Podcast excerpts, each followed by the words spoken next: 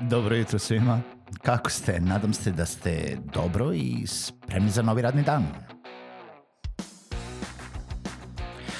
Pozdrav svima i dobrodošli na podcast Male pobede, stari novi podcast koji, well, koji je tu da bi vam kroz pitanje i savete dao motivaciju, pokrenuo vas u pozitivnom smeru i pomogao da ovaj dan počne bolje, jače i možda čak i zabavnije. Moje ime je Željko Crnjaković.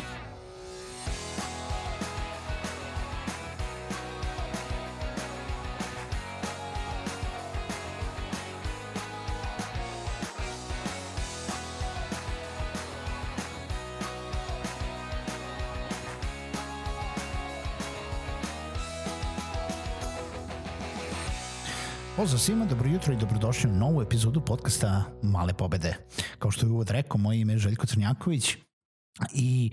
Hvala vam još jednom što ste sa ovim podcastom, što ga slušate, nebitno da li ste počeli danas ili slušate već preko 200 epizoda uh, podcasta Male pobede. Ukoliko želite da podržite podcast, nemojte zaboraviti da to možete da uradite preko Patreon platforme odlaskom na www.patreon.com kroz Male pobede i ostavite neki mali prilog. Ovaj podcast će i dalje biti besplatan, ali eto kao mala podrška svemu onome što radimo i svemu onome što pokušavamo da postignemo dajući pitanja na i savete uh, vezano za online poslovanje, biznis i male i srednje preduzetnike. Uh, danas bi da povedem temu u uh, priču oko toga koliko radite. Mislim, često smo pričali o tome koliko radite, da li radite neko puno radno vreme, kako određujete sebi radno vreme, da li radite 6, 7, 8 ili 12 sati dnevno, a u nekom skorijem skorijem periodu često možemo da čujemo kako se E, tu negde prožima neka priča oko smanjenju stvari radnog vremena na neki četvorodnevnu radnu nedelju, da treba smanjiti radnu nedelju sa 5 dana na 4 e, dana i nekome to zapravo čak i uspeva. A, to su e, primeri ne samo u svetu, ima primera i kod nas ili u regionu nekih kompanija koje su to počele da uvode i zapravo koliko to može da bude produktivno ili ne. E, da se vratim kratko na priču o onome kad smo pričali o produktivnosti. E, zapravo smo rekli da niko ne može da bude produktivan svih 8 sati i teško je očekivati od bilo kog, mislim ukoliko ste poslodavac, od bilo kog radnika da u tih 8 sati on konstantno radi. Ako ste vi sami zaposleni, znate po sebi da vam je potrebno vreme i da osmislite šta ćete da radite i da malo prokrastinirate i da dobijete neke ideje i jednostavno odlazi vam to neko vreme, pa makar samo da ustanete od stola i da prošetate, da odete da popijete kafu, da pojedete doručak, ručak i nije bitno. Um, Znači od 8 sati rada mi već dolazimo do toga da je neko maksimalno produktivan ti neki 6 sati, a često se dešava i da zapravo neko full vreme provedeno u radu na zadacima bude i manje. Naravno, za one koji se bave freelancingom, za one koji su recimo navikli da rade na tracker, e, to vreme može da bude mnogo duže, neko uspe da pod navodnicima nabije i 7, 8, 9, 10 sati na trackeru, zapravo rada, ali pitanje je koliko dugo možete da izdržite taj neki tempo i da li nekim smanjenjem radnog vremena, u stvari smanjenjem uh, zvaničnog radnog vremena možete sebi mentalno da povećate fokus da kada radite onda za, zapravo se posvetite tom nekom radu. Tu je i ideja u toj nekoj četvorodnevnoj radnoj nedelji gde e, neke firme, neke agencije su uvele da možete da radite četiri dana nedeljno birajući da li će vam biti slobodan ili petak ili ponedeljak, ali zapravo u onom periodu kada provodite vreme na poslu vi ste više fokusirani, više posvećeni obavljanju tih nekih radnih zadataka. Takođe se uvodi pitanje e, da li firme koje uvode četvorodnevno radno vreme zapravo zatvaraju svoja vrata taj peti dan i zapravo cela firma, agencija, e, kompanija ne radi pet dana nedeljno, nego radi samo četiri, u zavisnosti od toga šta su izabrali koje, koje dane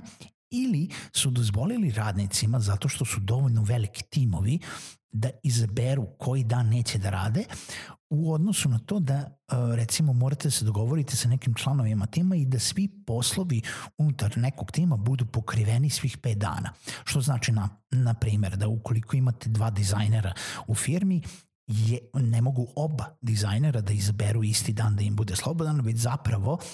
svih 5 dana je pokriveno barem od strane jednog dizajnera, a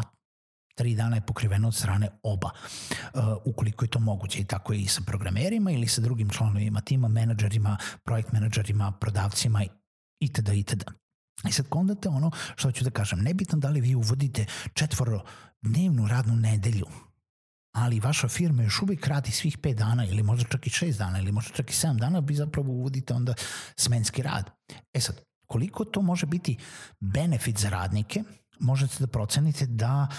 u nekom slučaju sigurno ima taj neki psihološki efekt da će ljudi dobiti taj neki pod navodnicima trodnevni vikend i samim time dobiti više nekog slobodnog vremena gde će oni moći da se izduvaju e, opet pod navodnicima i da dođu odmorniji i više fokusirani u periodu kada rade. E, to nije nemoguće zamisliti i nije nemoguće izvesti u mnogo više kompanija nego što, e, nego što to mislimo. Druga stvar je da li poslodavci zapravo žele to da urade ili ne i zapravo da li možete da izmerite da ukoliko primorate radnike da rade svih 8 sati, uh, 5 dana nedeljno, ponekad je to mnogo duže, ponekad zato što uh, priroda posla je takva da vam upiti za posao nisu onako konstantni i vi ne znate zapravo ponekad unapred šta ćete sve morati da uradite, nego jednostavno kako dobijate upite, kako dobijate projekte, kako dobijate e, neke naloge za e, obavljanje nekog zadatka, vi morate biti spremni da reagujete u nekom kratkom vremenskom periodu, jer niko ko, na primer, pošalje zahtev u petak, ne želi da čeka tek ponedeljak uh, da dobije odgovor ili da pošalje zahtev u četvrtak popodne pa da mora da čeka do ponedeljka ujutru. U tom smislu, znači to, ta neka raspodela posla jeste normalna i poželjna. Sa druge strane, za male firme možda to nije moguće. Za male firme um, u nekim malim timovima gde bukvalno postoji samo jedna osoba koja obavlja određeni deo zadatka, a da kažemo daj Bože da ta firma ima dovoljno posla, u stvari im je, je dovoljno tražena da konstantno dobija te neke naloge na koje mora pa sad pod navodnicima opet brzo da odgovori, zato da bi održala kontinuitet posla, možda nije moguće uvesti baš četvorodnevnu radnu nedelju.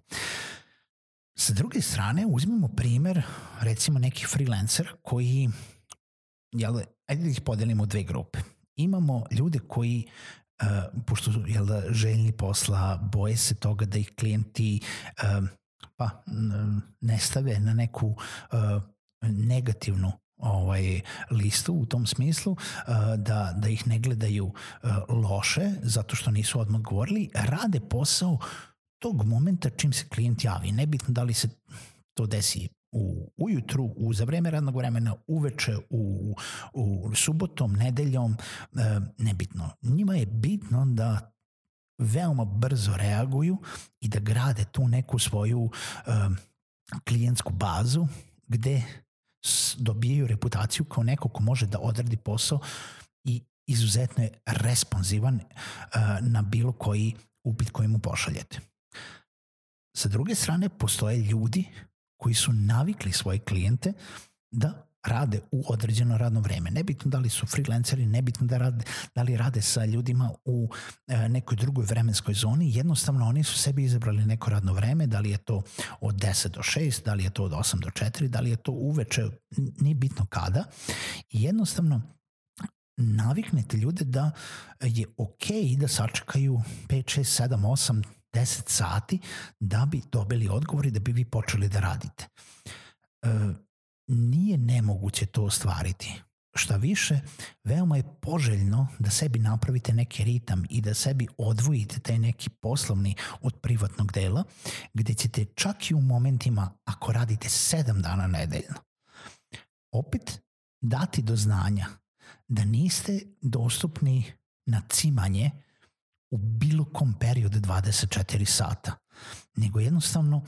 ako vam neko pošalje upit u 6 popodne, 6 uveče, može da sačeka do 8 ujutru da dobije odgovor. Može da sačeka jer u jednom momentu dana vi ćete se preklopiti sa tim nekim zajedničkim radnim vremenom i naći neko vreme da obavite uh, sastanak, ugovaranje posla ili sam posao. Nije problem da vi napravite taj sastanak van svog radnog vremena, ali to je tek na, u razgovoru shodno tome uh, koliko vam je bitan klijent, shodno, to, shodno proceni toga šta vi dobijate iz tog projekta. Tako da, četvorodnevna radna nedelja nije nemoguća možda je nemoguće za soloprenore i za one ljude koji samostalno rade ili za neke jako male timove, ali za velike timove često dolazimo do toga da zapravo ta agencija ili ta kompanija ne radi samo četiri dana nedeljno, već da radnici imaju opciju da biraju i da uh, sami sebi naprave taj neki trodnevni vikend. Druga stvar je da promenimo možda psihologiju poslodavaca, da je okay da se zadrži ista plata za jel da ta uh, četiri radna dana ukoliko je produktivnost bolja i efektivnija. Čujemo se u nekoj novoj epizodi podcasta Male pobede.